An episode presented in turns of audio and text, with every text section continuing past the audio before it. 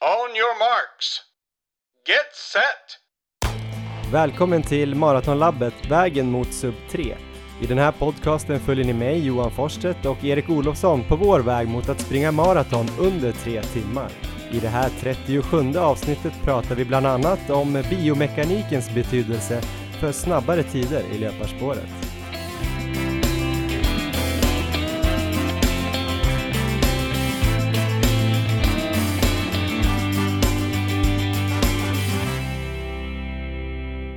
Hej Erik Olofsson, hur är läget? God morgon Johan, det är eh, jättebra.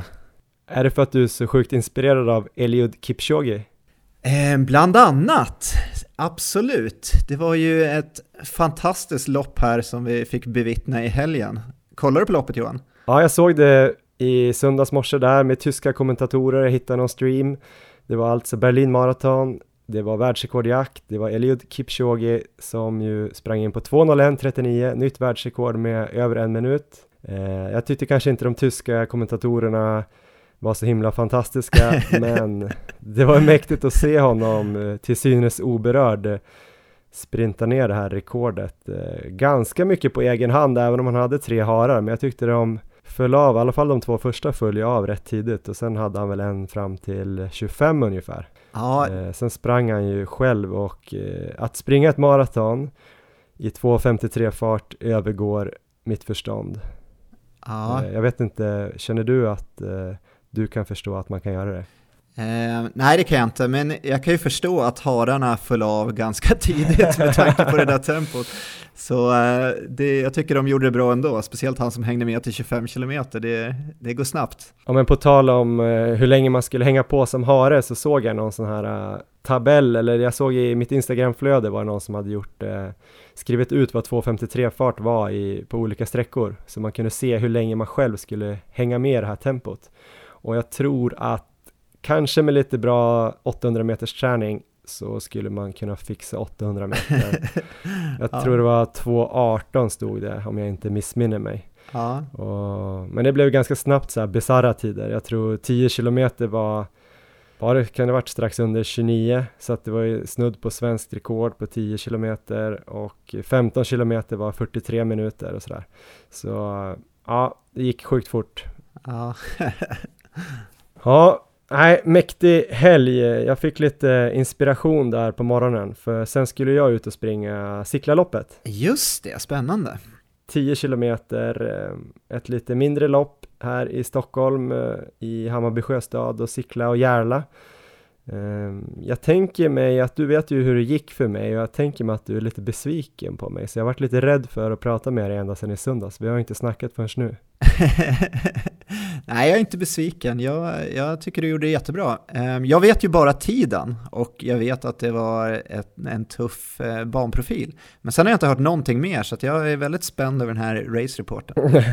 Ja, grejen var ju att jag skulle ju under 37,5 var ju tanken. Ja, Det sa vi i förra podden eh, och det har jag velat springa under den här säsongen har jag tänkt. Så det var ju alltså mitt mål för den här dagen. Jag eh, hade sprungit banan i fredags så sprang jag den på ett långpass bara för att testa banan och då kände jag så här väldigt mycket negativa tankar kom då för det var ganska tungt att bara hålla så här 4.45 5 fart på den här banan. ja. Det var ganska blåsigt i fredags och det var blåsigt på loppet och det eh, var ganska knixigt. Både mycket svängar och eh, ganska kuperat, lite så här att man fick dålig rytm. Det var inte som att det var en backe och sen var det platt, utan det var liksom lite upp och ner. Man kunde aldrig riktigt slappna av. ja. Men eh, jag kände på uppvärmningen att eh, jag hade väl eh, 3 plus-känsla. Långpasset från fredagen satt i, men det var inte så här katastrof. Började ändå i 3.45 fart i snitt, eh, låg runt tröskel och rundade fältet höll jag på att säga. Men jag tog, väl, jag tog väldigt mycket folk, för folk sprintade ju iväg i- början, för det var Ja, ganska lätt det. i början och jag bara kollade på folk och Alltså jag, först, jag- jag tänkte bara, ni har ju redan bränt det här loppet liksom. På 300-400 meter så var det folk som sprang i 3.15 fart som såg ut att kunna springa milen på 45 liksom. Så Ja. att, eh, det var lite, nästan lite sorgligt att se. Jag fick verkligen kämpa för att hålla nere till 3.45 och det var säkert 100 pers framför mig och sen slutade jag ju trettonde, eller femtonde. Just det. Jag har ju varit på båda sidor av det där så att jag, jag vet känslan både av att sticka iväg och eh, ligga lite bakom och eh, definitivt att rekommendera att gå ut lite lugnare. Ja, nej men jag blev lite störd när jag kom till en kilometers markeringen för då hade jag fyra minuter och 15 sekunder. Eh, då kände jag okej, okay, det här var inte min dag. Jag ligger i tröskel och har sprungit så. Men jag, jag såg på klockan att den där måste ha suttit helt fel. Just det. Den första kilometers. Men eh, stabil start ändå och eh, vid fem kilometer så hade jag 18.50 när banans 5 km markering kom. Min var lite innan så då hade jag exakt 18.45 så jag Just blev väl lite lurad av klockan då att jag kanske inte hade sprungit den snabbaste vägen eller något. Ja. Men 18.50 så det var ju okej, okay. då var det ju det var ungefär på enligt tänkt plan. Men sen eh, fick jag springa själv resten. Jag hade en liten klunga där som jag sprang om då och sen eh, plockade någon på vägen in men var lite för trött eh, det blev ganska backigt sista fem och lite terrängkänsla.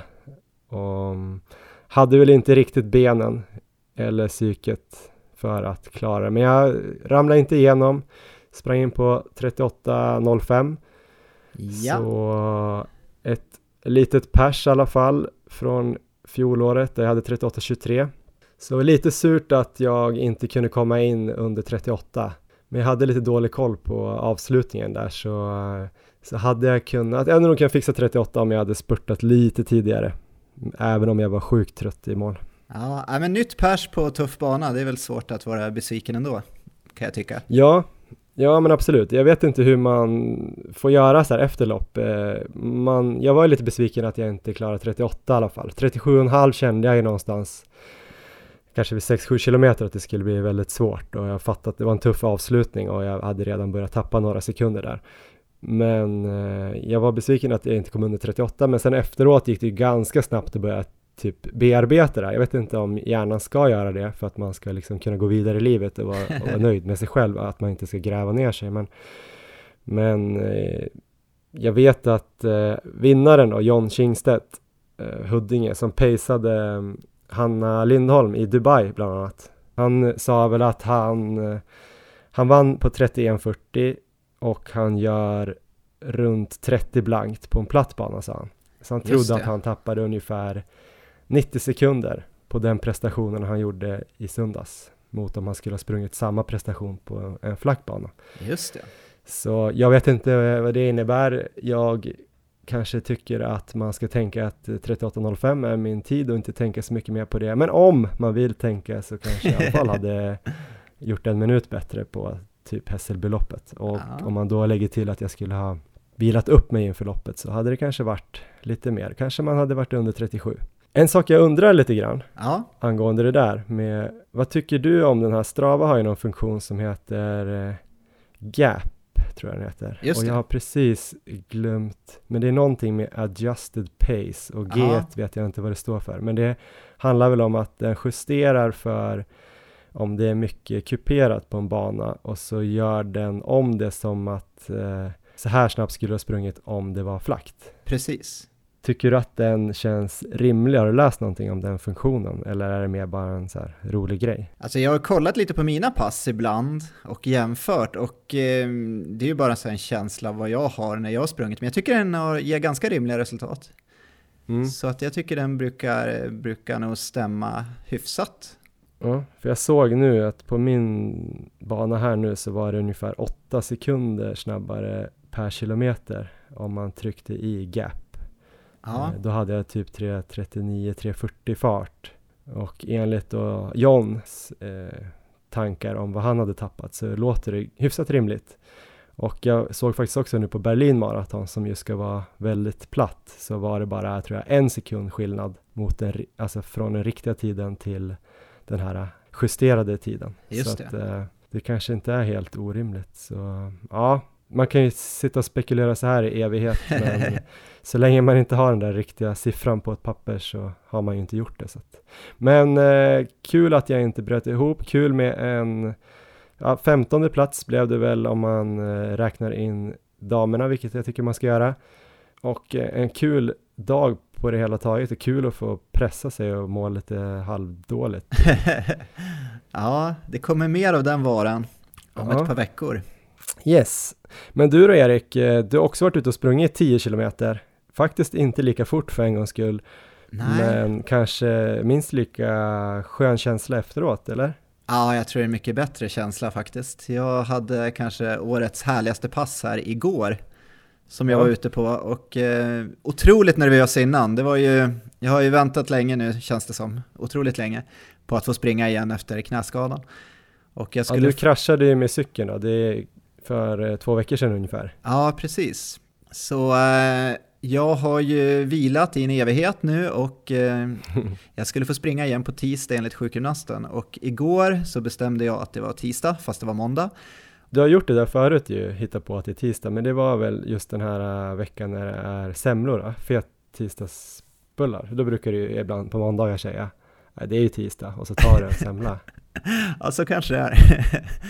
Um, men uh, igår, på tisdag i alla fall, så gav jag mig ut och sprang 10 kilometer Mm. Um, tanken var att jag skulle springa bara lugnt pass och känna på knät lite och det, ja, första kilometern kanske lite känningar, lite så här, eller så var det bara att jag sprang runt och tänkte på det. För mm. sen så var det, sen släppte det liksom och uh, jag kunde ligga på och springa på med en väldigt skön och behaglig känsla.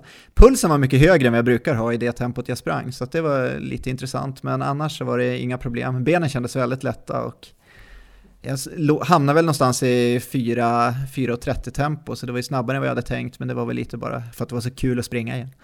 Mm. Och inga reaktioner efteråt heller, så att eh, det känns som att jag är tillbaka och det känns som att nu finns det gott om tid inför Frankfurt. Så det blev ju totalt mm. tio dagar borta från löpningen. Så att eh, ja, men eh, nu är jag mycket, mycket mer positiv än vad jag varit sista veckorna. Mm. Inga reaktioner i din kropp, men mycket reaktioner på Instagram, där man kan följa oss. Vi heter Maratonlabbet på Instagram och där la du upp någon bild och där fick du mycket reaktioner. Många som tycker det är kul att se dig tillbaka på löparbanan. Jättekul och väldigt tacksam för alla fina ord där. Ja, och även på Strava kan man ju följa oss, vår löpning, Johan Forsstedt och Erik Olofsson och där hoppas vi nu att det kommer komma in lagom många löppass från dig Erik. vi ska väl kanske prata lite mer i slutet av podden om, eh, om hur vi ska träna nästa vecka och sådär. Men risken känner jag nu att du kommer maxa direkt här från att du har sagt att du ska ta en uppstartsvecka till att ja. du kommer gå någon 12 mils vecka och så kommer du i och för sig kan ju inte du bli skadad förutom när du gör sådana här konstiga grejer. Det kanske, det kanske är lugnt men eh, risken finns ju för någon följdskada på någon annan del av kroppen om du drar på för hårt direkt. Men vi får snacka mer om det sen tänker jag, eller ja, vad tror du? Det låter bra. Vi kör först en intervju som jag har gjort med Karl Norell. Jag presenterar honom mer i början av eh, intervjun, men det man kan säga att den här handlar om, intervjun, är väl den här mekaniska delen av löpning. Att vi har ju kanske pratat mycket om eh, energisystem och eh, ja, men trösklar VO2 max och hur man kan eh, få i sig rätt energi, bla bla bla. Men det som också är väldigt viktigt är ju hur man rör sig och att man är så energieffektiv som möjligt och tar nytta av alla så här eh, intressanta funktioner som kroppen har för att man ska kunna springa snabbt. Eh. Eh, jag tror ni fattar mer när ni hör det här. Det är i alla fall väldigt intressant och Karl Norell kommer här. On your marks. Get set. Då får jag be att välkomna Karl Norell till eh, Maratonlabbet. Karl, du är eh, en av grundarna till utbildningsföretaget Konditionsidrott, utbildad sjukgymnast och eh, PT och lite extra inriktning mot löpning om jag har förstått det rätt. Stämmer det bra? Ja, men det stämmer bra. Det stämmer jättebra. Eh, kul att vara här. Kul att få prata med dig här i den här fina podden. Ja, ja men du ska vara hedrad och glad för det tycker jag. Mm, mm, eh, det grejen är ju att jag har ju börjat en utbildning eh, inom ert företag kan man säga, EPT, Endurance Personal Trainer och du hade ju någon föreläsning där för några veckor sedan på preparandutbildningen inom anatomi och eh, då snackade du lite grann om eh, rörlighet och Eh, ja, lite rörlighet och kontroll och, och, kraft i löpsteget och du sa att man kunde ganska enk med enkla sätt eh, skapa lite turbos i kroppen. Och det här var ju väldigt intressant, så det är därför vi snackar nu. Ehm, jag tänkte, kan du utveckla det där lite, det du sa till mig då för de som lyssnar på podden? Ja, gärna. Eh, jo, jag har ju varit ett, intresset i, inom eh, löpning har ju varit stort under många år. Och jag eh, tycker om just att förstå helheten i mänsklig uthållighet och, och uthållighetsprestation. Och då, då har man ju de här olika delarna, de här som jag fått om tidigare vet jag med ekonomi och tröskel och VO2 max, de här viktiga delarna för att kunna producera energi mm. på ett bra sätt över tid. Och, men den sidan som är mekanik eller biomekanik eller en stark koordinerad kropp, alltså att titta på den sidan, det är väldigt vanligt på korta distanser, i sprint och sådär pratar man ju jättemycket om det. det. Eh, men, men eh, man kan ta massa roliga och intressanta eh, scenarion som kropp, kroppen ska vara i vissa positioner och leder mår bra att vara i vissa positioner. Och där kan man också se tydligt att när, när en led är i en viss position så passar den bättre för att löpa starkt. Eh, och då tog vi några exempel på, på vissa områden som man vet, det här är nästan bra för alla typer av löpare och alla typer av löpning ser man tydligt att man får mer kraft ut i steget eh, med vissa scenarion. Eh, så, så det stämmer ju bra och det medför framförallt att man springer lite mer ekonomiskt då. Ja. Eh, när man får till de scenarierna. Ja men för grejen är ju som du sa och jag pratat om tidigare att eh, man stirrar sig ofta blind som motionär på liksom, att höja sina trösklar, sin mjölksyratröskel eller laktattröskeln där och även kanske den aeroba tröskeln och VO2 max och man kollar mycket på eh, den fysiologiska biten sådär. Men hur mycket mer finns det att hämta?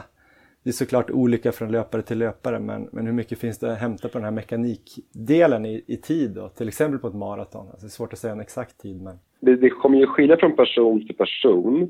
Jag kan ta liksom av erfarenhet att, att under de 15 år som jag jobbat som tränare av, av eh, framför jag har jobbat som tränare inom uthållighetsprestation så det är har ju varit, majoriteten har varit löpning, men största passionen har varit löpning. Men, men även om det är andra uthållighetssporter där man står på två ben, som allt från triathlon till swimrun och multisport, så, så de kunderna som jag har, har, fått mest resultat med, det vill säga att man har fått väldigt snabba resultat på kort tid, mm. så är mekaniken eh, faktiskt magisk. Och det är för att folk inte tränar det lika mycket och folk har ofta ganska låg kapacitet där. Eh, och, och Eh, det kan ju göra att helt enkelt att när du kommer till mil eller mil tre på ett maraton så är det ju väldigt många som har höftlig, alltså muskulatur och sen och bindväv, alltså kring höfter, kring knän, rygg. Man orkar inte hålla ihop kroppen. Och att inte kunna hålla ihop kroppen, det är ju kopplat mer till en uthållighet i mekaniken mm. än en uthållighet i energiproduktionen. Så att eh, där är det liksom, ja, behöver du sakta in mil tre för att det, du känner dig stel, tappar hållning, tappar kontroll. Ja, då tjänar man ofta väldigt mycket på att, att förbättra sin mekanik och bli mer uthållig i sin mekanik. Eh, för då, då löper du mer energisnålt sista eh, milen och kan du löpa energisnålt sista milen så går det ganska mycket snabbare. Mm. Så att eh, det är en, en, en häftig grej alltså. Mm. Du nämnde ju då att det fanns de här olika turbosarna som kanske gav mm. lite extra effekt om eh, mekaniken fungerar perfekt kring en led. Eh, utveckla mm. det och ge gärna lite exempel på några turbos. Ett exempel som är ganska talande, eller talande ett, ett, exempel som ofta behöver eh, tränas upp är ju att väldigt många duktiga löpare som, som, som man träffar som är skolade från barnsben, de har ofta ganska bra mekanik. Men alla som inte har sprungit tre, fyra, fem gånger under hela sitt liv egentligen, sen man, sen man växte upp, de har ju ofta lite sämre mekanik och ofta börjar det i foten. Mm. Eh, så fötter och underben tränar ju löpare väldigt. Om vi bara tittar på alla inskolningsövningar så är det väldigt mycket fokus på att vara ganska spänstig och kunna hålla ett starkt underben. Mm. Och eh, där har vi, jag vet att jag pratat tidigare om, eh, om fjädring och med Fredrik Selén pratade mycket om gummisnodseffekten. Och, och vad man vad vill åt när man pratar om gummisnodseffekten är ju egentligen att man vill skapa lite mer stiffness. Mm. Eh, det är en del, det vill säga att man kan likna hela kroppen vid en om stiffness är en väg och en, ett, ett, en bevisad, ett bevisat scenario som påverkar ekonomi bra.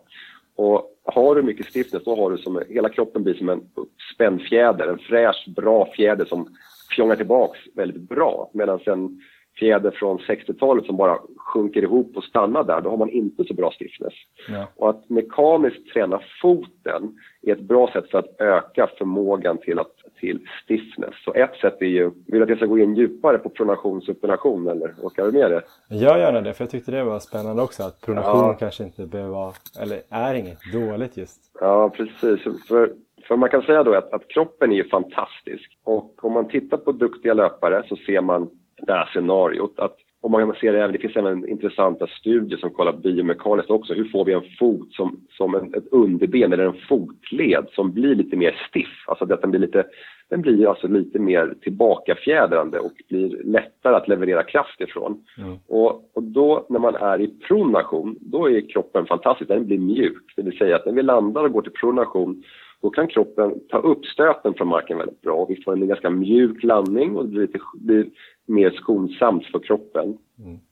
Men sen när vi ska skjuta ifrån, då måste kroppen snabbt styra om till att bli lite mer stabil, lite mer stel på ett positivt sätt. Mm. Och eh, en supinerad fot, och då skulle man egentligen vilja visa, men, men om man tänker att man står på, på foten och så låter man insidan av foten ramla ner Mm. och man, man, man kan känna lite hur foten plattas ut lite grann. Mm. Eh, där har du ju pronation, men om man, lägger, om man försöker rotera ut lite grann, det vill säga att det är fortfarande alla tår i och hälen är i, men vi lyfter upp vårt fotvalv. Mm. Och eh, det kan man enkelt se om, man, om, om, om lyssnarna ställer sig upp och sen ställer de sig på, på, på höger ben och så roterar man hela kroppen åt höger. Då ser man hur fotvalvet lyfter och då får man ju en supination.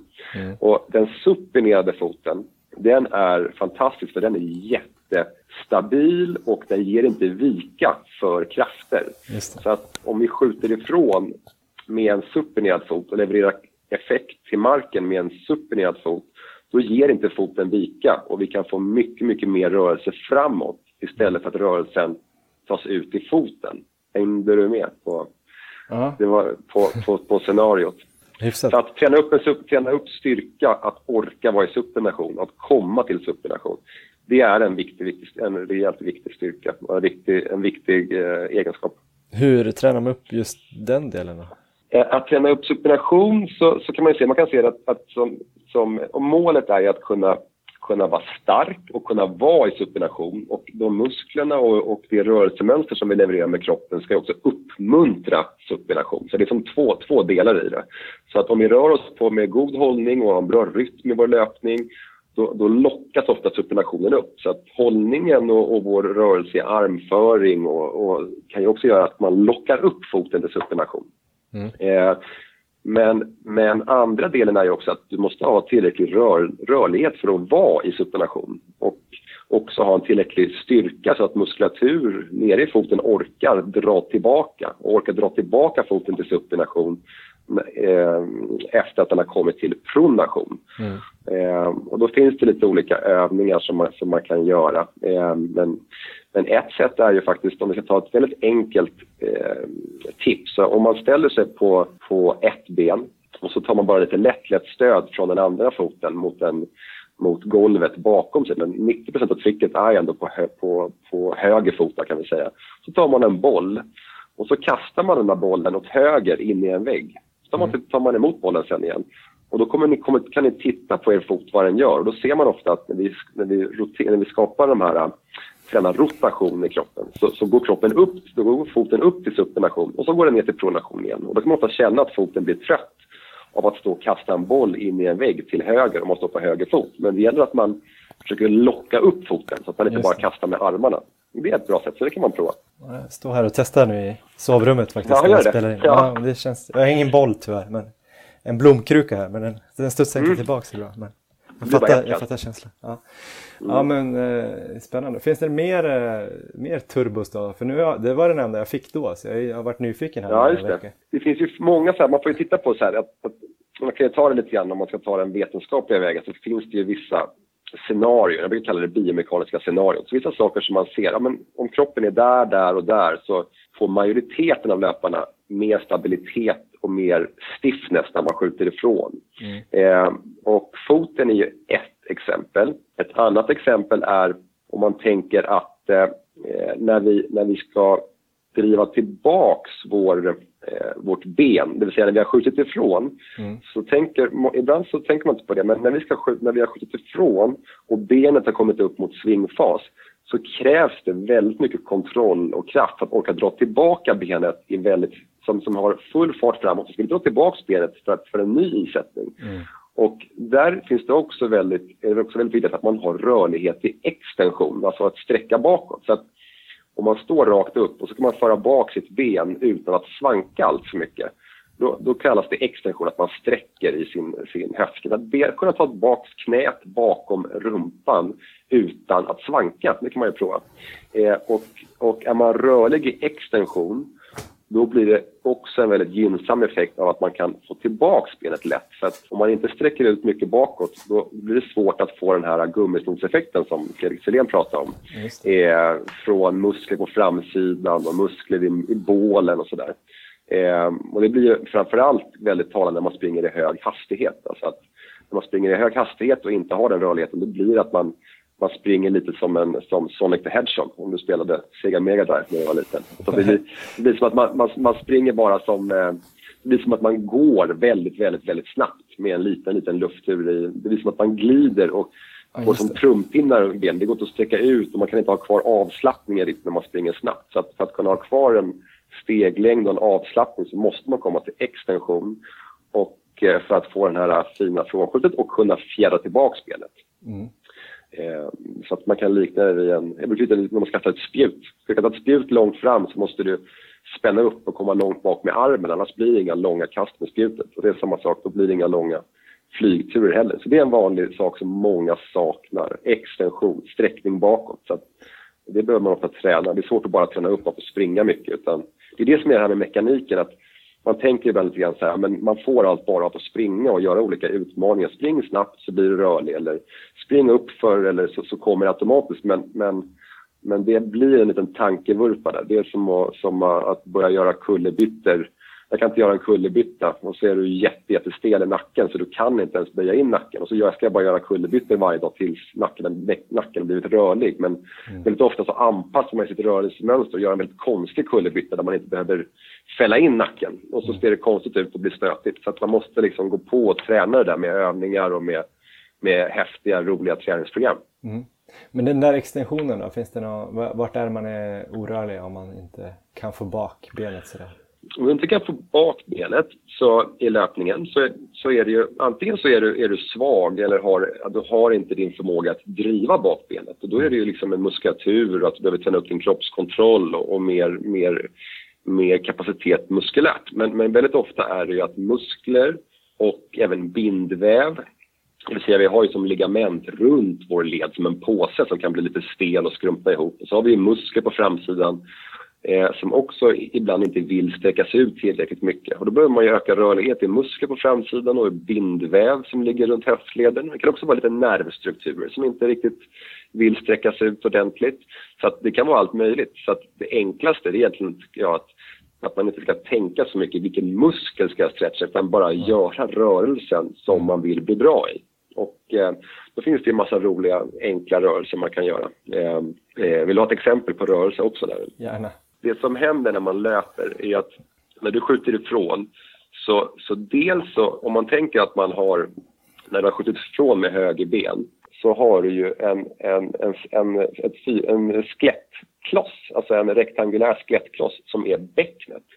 Det är så att man tänker som en, en, en flaggstång och så har du en flagga på toppen. Och flaggan ska ju liksom röra sig framåt. Jag vet inte om det här blir så tydligt men när du skjuter ifrån så behöver du extension, men du behöver också lära dig att få bäcknet att rotera runt ditt ben. Mm. Så, så om, om, man håller i en flagga och så håller man i stången, så håller du stången med höger hand så ska du trycka flaggan framåt så att den rör sig runt stången.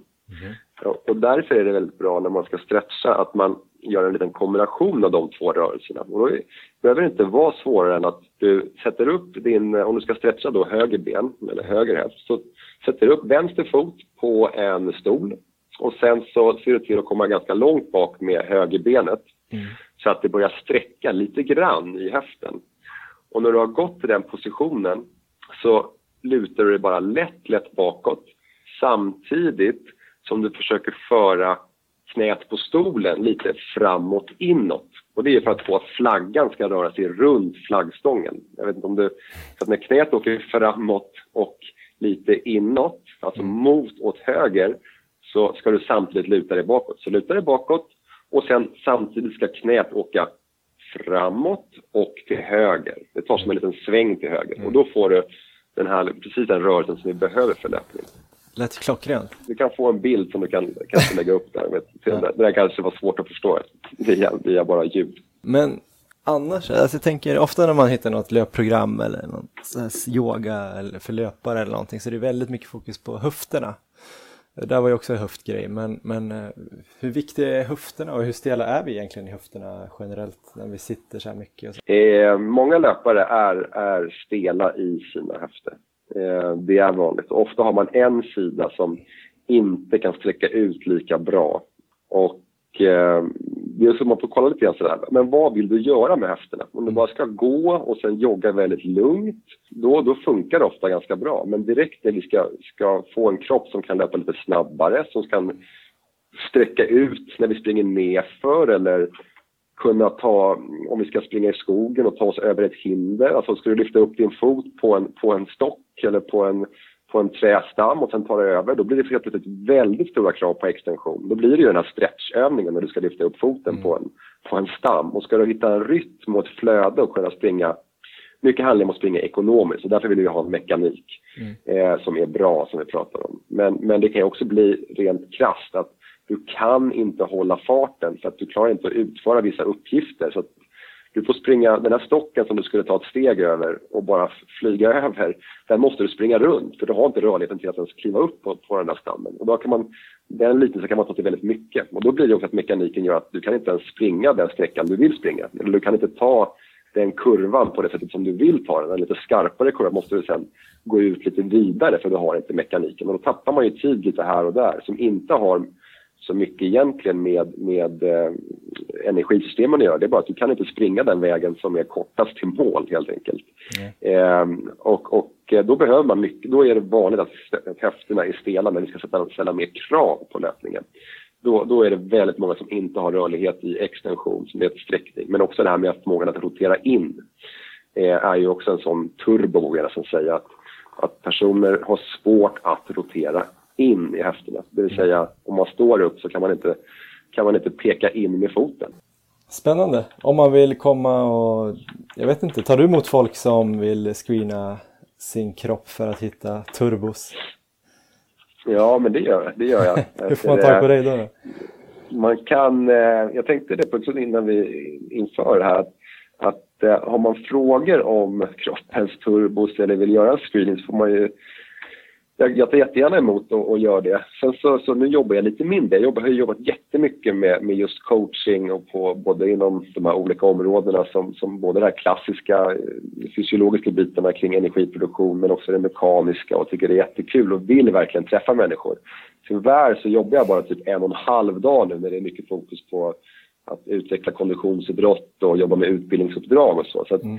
så att, men, men, eh, men de får jättegärna höra av sig. Och även om de har frågor om eh, våra utbildningar och vi har ju både löputbildningar och, och eh, PT-utbildningen där på Bosön och vi har ju två nya utbildningar här också som är som, som jag jättegärna berättar om för som jag är väldigt stolt över som, som verkligen blivit, eh, en, blivit kvalitativa och hittat som, som är just en PT-utbildning för terapeuter och en, eh, en vidareutbildning som heter Endurance Training Specialist där vi går igenom det här och, och mycket mer om man vill ta steget till att, till att förstå det själv och kunna screena sig själv eller screena andra. Så att, eh, det är bara att mejla mig är det bästa. Jag kan mejla eh, info at så, så svarar jag gärna. Superbra, tack så jättemycket Karl. Det var så lite så.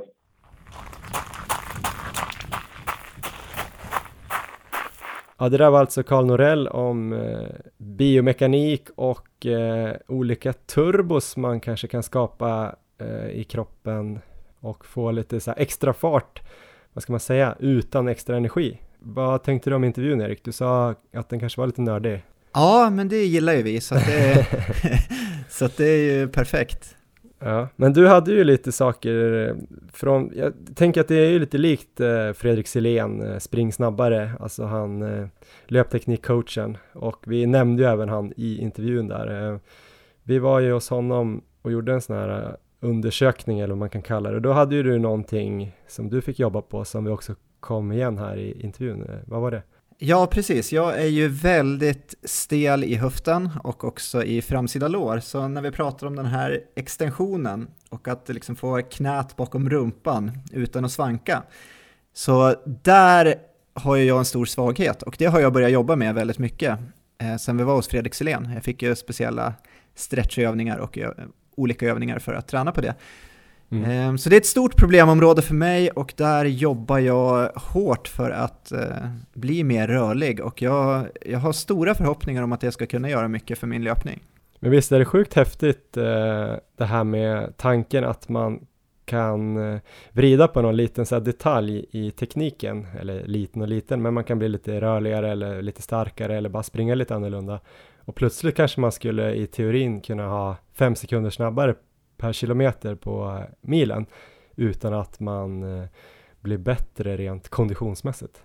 Ja, verkligen. Och eh, jag tror att, eh, alltså jag har stora förhoppningar om det här. Det kommer ju ta tid, det är inget som kommer liksom komma på en gång, men kan jag, kan jag få till det här så ska jag kunna liksom koppla in muskler som inte jag har använt så mycket när jag har sprungit. Till exempel de här gluteus maximus, den här stora rumpmuskeln så att säga.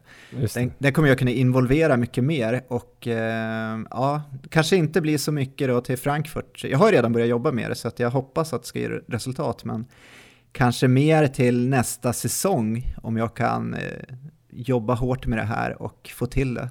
Jag tänker om folk som lyssnar på det här som kanske har lite långsammare tider, men även, oss, även vi och liksom folk som är snabbare än oss kan nog få mycket hjälp av det här. Men jag tänker folk som kanske gör milen på 50 och har tränat ett tag, där tror jag det kan finnas väldigt mycket att hämta just bara i de här små justeringarna eller vad man ska säga, lite gratis grejer, turbos som man kan få.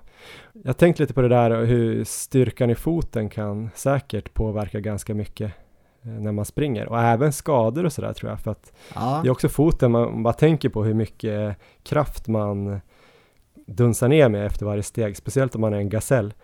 Eh, så är det ju liksom att foten, när den tar i där och plattas ut eh, i nedslaget och benen blir liksom, vad ska man säga, utspretade som en solfjäder lite grann. Ja. Det, det dämpar ju sjukt mycket av all kraft.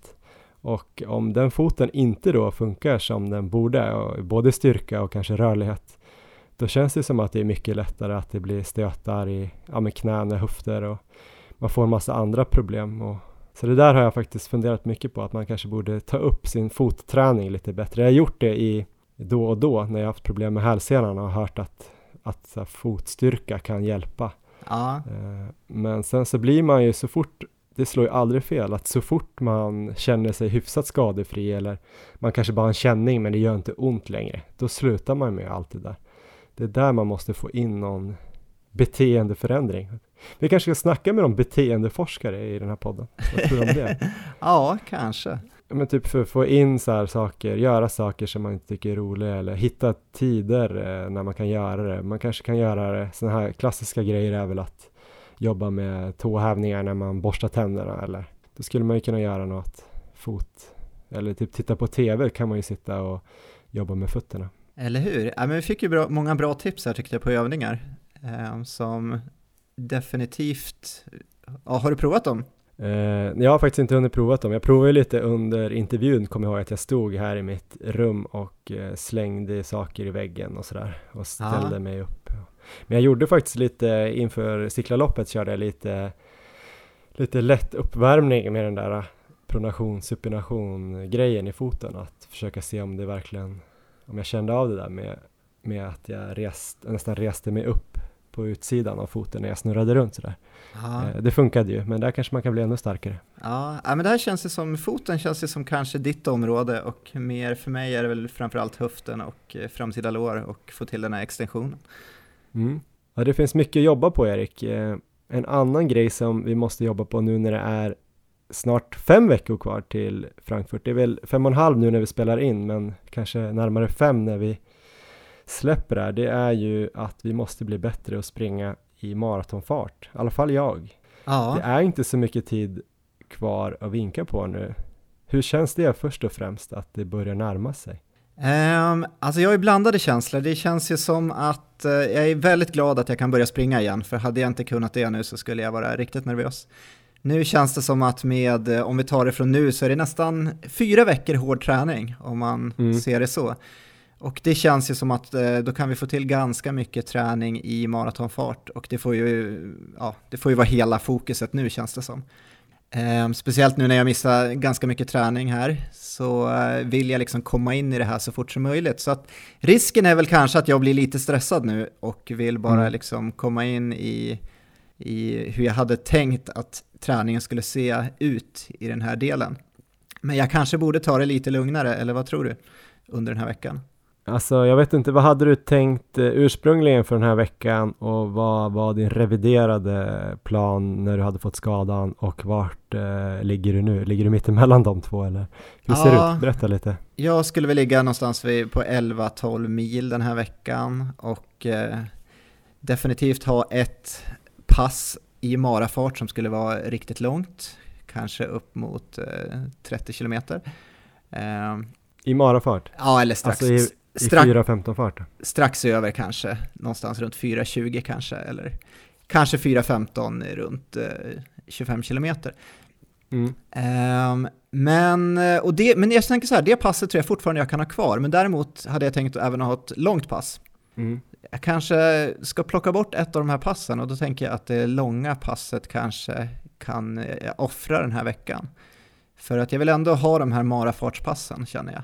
Ja men det låter väl klokt, du har ju, du har ju verkligen inte eh, fuskat med långpassen. Du har ju sprungit ganska mycket runt eh, tre timmar, alltså så Ja. 40 kilometers eh, pass eh, ganska frekvent var och varannan vecka. Så att eh, där har du kanske lite buffert och eh, du hinner ju även göra några långpass innan Frankfurt. Så om du lägger det där marafartspasset i helgen Ja, precis. så du har några dagar att komma igång på så kan du väl testa lite olika farter med knät. Du kan ju springa något lite snabbare pass, något sånt där uh, aerob power kanske. Du kanske Ja. inte behöver göra 15 gånger 1000 men du kan göra 10 gånger 1000 eller något sånt där. Något liknande, jag har ingen aning. Du får göra som du vill men bara känna om, att du är på väg tillbaks och se hur pulsen reagerar då Ja, precis. och även hur knät känns när det går lite fortare men upp mot tröskelfart kanske.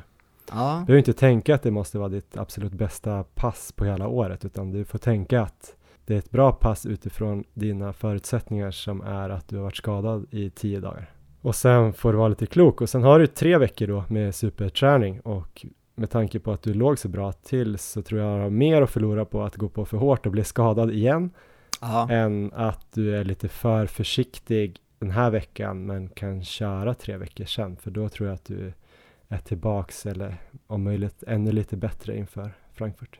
Det låter klokt. Jag hoppas jag kan följa det.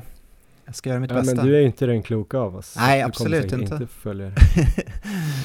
men kanske något mellanting där. Så nej, men det känns i alla fall bara fantastiskt härligt att vara tillbaka och att drömmen på något sätt lever fortfarande. Ja. Själv, Härligt. hur ser det ut för dig nu? Ja, jag satt faktiskt igår kväll och la upp en grov skiss på allas, alla dagar fram till Frankfurt. För jag börjar känna mig, alltså grejen var jag har haft väldigt delade känslor här sista veckorna.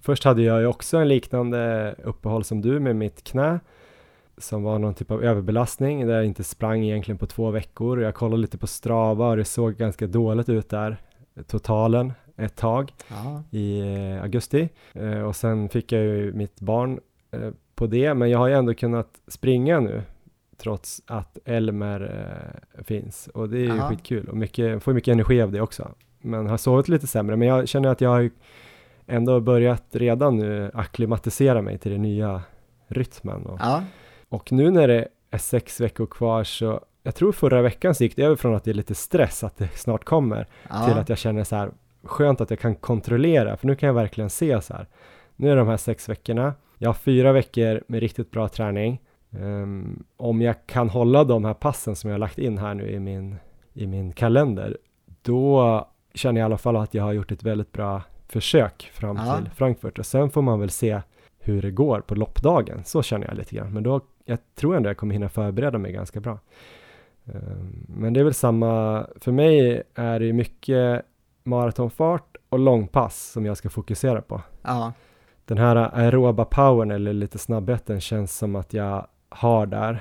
Vi har ju ändå runt 30-40 sekunder, både du och jag, från milfart till marafart. Och då kan man ju tänka de här bästa damerna i alla fall, de ligger ju liksom nästan 15 sekunder bara långsammare än sin milfart ja. när de springer maraton. Så vi har ju lite mer att gå på där. Däremot så, vi har ju lite problem efter tre mil du och jag. Absolut, absolut. och eh, ja, ja, men eh, men jag menar farten har vi. Det ja. är ju framförallt, de kör ju bara på som eh, någon sorts, ja maskiner då. Vi ja. vill ju bli maskiner. Precis. Um, och det är väl det jag ska bli nu. Så jag har typ, jag har tänkt två pass i veckan som jag råfokuserar på. Och det kommer ja. vara ett hårt pass i marafart och ett eh, långpass som är ganska långt med marafart insprängt, Just oftast det. i slutet. Och sen kommer jag se här vilka veckor vilka ve vissa veckor ser bättre ut, att jag kan få in lite annat. Uh, och då kommer jag lägga in lite sån här aerob power, lite tröskelfart, kanske upp mot 10 kilometer någonstans däremellan, ja, kanske ner till halvmarafart. Uh, någonstans så för att upprätthålla den här snabbheten. Just Men det. om jag känner mig sliten någon vecka och har ett sånt pass inlagt så kommer jag stryka det passet. Så veckan som kommer nu då, då är det ju idag tänkte jag springa 4 gånger 4 kilometer ja. i maratonfart. Försöker kanske ligga på någonstans 4.14 snitt. Just det. Och sen joggvila en kilometer emellan i någonstans 80-85 procent av marafart. Jag vet inte vad det blir, 4.45, 4.50 någonting. Ja. Kanske. Och sen eh, kommer jag på torsdag försöka köra ett eh, långpass där jag springer kanske i en timme och 50 minuter i zon 2 och sen har jag tänkt att försöka göra 40 minuter i maratonfart. Ja. Jag körde ett liknande pass nu i fredags och då körde jag nog, vad gjorde jag då? 105 minuter, alltså 1.45 plus 30 minuter i marafart. Och sen joggade jag 15 minuter efteråt och det kändes ändå ganska bra. Det var typ 32 kilometer. Det är nog ett av de bättre långpassen jag har gjort i typ hela mitt liv. Just det. Eh, med känslan och sådär. Att det var så lätt att springa marafart efter 1.45. Det kändes bättre och bättre. Det kändes bättre när jag sprang marafarten än det här första. Ja, men jag tycker det är härligt. Det låter som att det, det känns positivt nu, trots allt som har hänt, trots alla så små motgångar så tycker jag vi kan liksom se framåt nu med, med positiva känslor. Tillförsikt. Tillförsikt, tack. Och eh, det som jag också tänkte bara diskutera sist här med dig, det är ju Um, en justering som jag tror jag måste göra nu, som jag inte vill göra, men som jag nog måste göra. Vi pratade lite om eh, preparationslopp tidigare. Och uh, då nämnde jag i Hässelbyloppet att uh, skulle jag, jag vill ju springa det, men skulle jag få sjukdomsperioder och liknande så kanske jag får offra det och lägga in något kvalitetspass. Och nu med tanke på vad som har hänt om i knät så är det smartaste är väl kanske att skippa det loppet helt enkelt och försöka få in någon form av eh, kvalitetspass där istället. Jag vet inte, det är ju några veckor kvar så att du kanske kan känna lite på det hur snabbt du kommer tillbaks. Eh, så du behöver väl inte bestämma nu egentligen, men eh, det låter väl klokt kanske. Du kanske kan springa ett långpass, eh, spring tre mil innan starten och så kör du Hässelbyloppet 35-59. Det vore ja. imponerande. Ja, eller hur? Nej, men vi får känna lite på det, men det är som sagt, man borde ta bort allting som inte tar fokus från Frankfurt nu. Och tar du fokus från Frankfurt så borde du inte springa det. Men ja. eh, jag fick ju en bra känsla till slut av att springa här i Sickla, att jag på något sätt vände om mitt eh, fiasko till succé i huvudet. Nej, det är hård mot mig själv. Nej, men, eh, och jag kände ändå att jag fick lite styrka av det, så det är väl inte omöjligt. Gör du en jättebra tid där så du får se hur, hur långt du har hunnit. Gör du liksom 30 kilometer eller vad du sa på söndag i maratonfart, ja. då är ju du redan home safe. skulle jag säga. Och då kan du väl springa millopp varenda helg och ändå klara det. Eh, det är jag inte alls övertygad om, men, men vi får väl se. Erik, jag skulle säga så här. Ja. Det finns ingenting som talar för att du inte skulle klara 2.59 i Frankfurt. Alltså ingenting, ingenting kan hända som gör att du misslyckas. Varför jinxar du medvetet? Jag förstår inte. Jag måste bara ta upp det med tanke på det här att det inte finns någonting som kan eh, grusa dina planer. Så det var en av våra följare, jag behöver inte säga vad han heter och sådär. Aha. Men han var alltså i Berlin, vi träffade honom på Stockholm Marathon eh, och han har också haft sub 3 som mål hela året.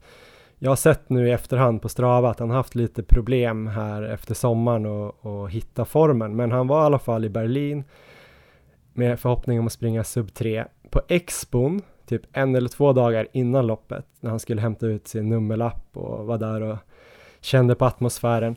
Då blev han påkörd av en radiostyrd bil på foten. Ja, det är så Det sjukt. låter helt sinnessjukt och jag har inte så mycket mer information än så, men någon står alltså och kör en ganska stor radiostyrd bil, typ 50 centimeter, fort runt där antar jag, och kör över hans fot så att han eh, får någon typ av skada i tån och under foten och kan inte springa i Berlin. Så han måste ställa in. Så att eh, jag menar, allt kan hända. Ja.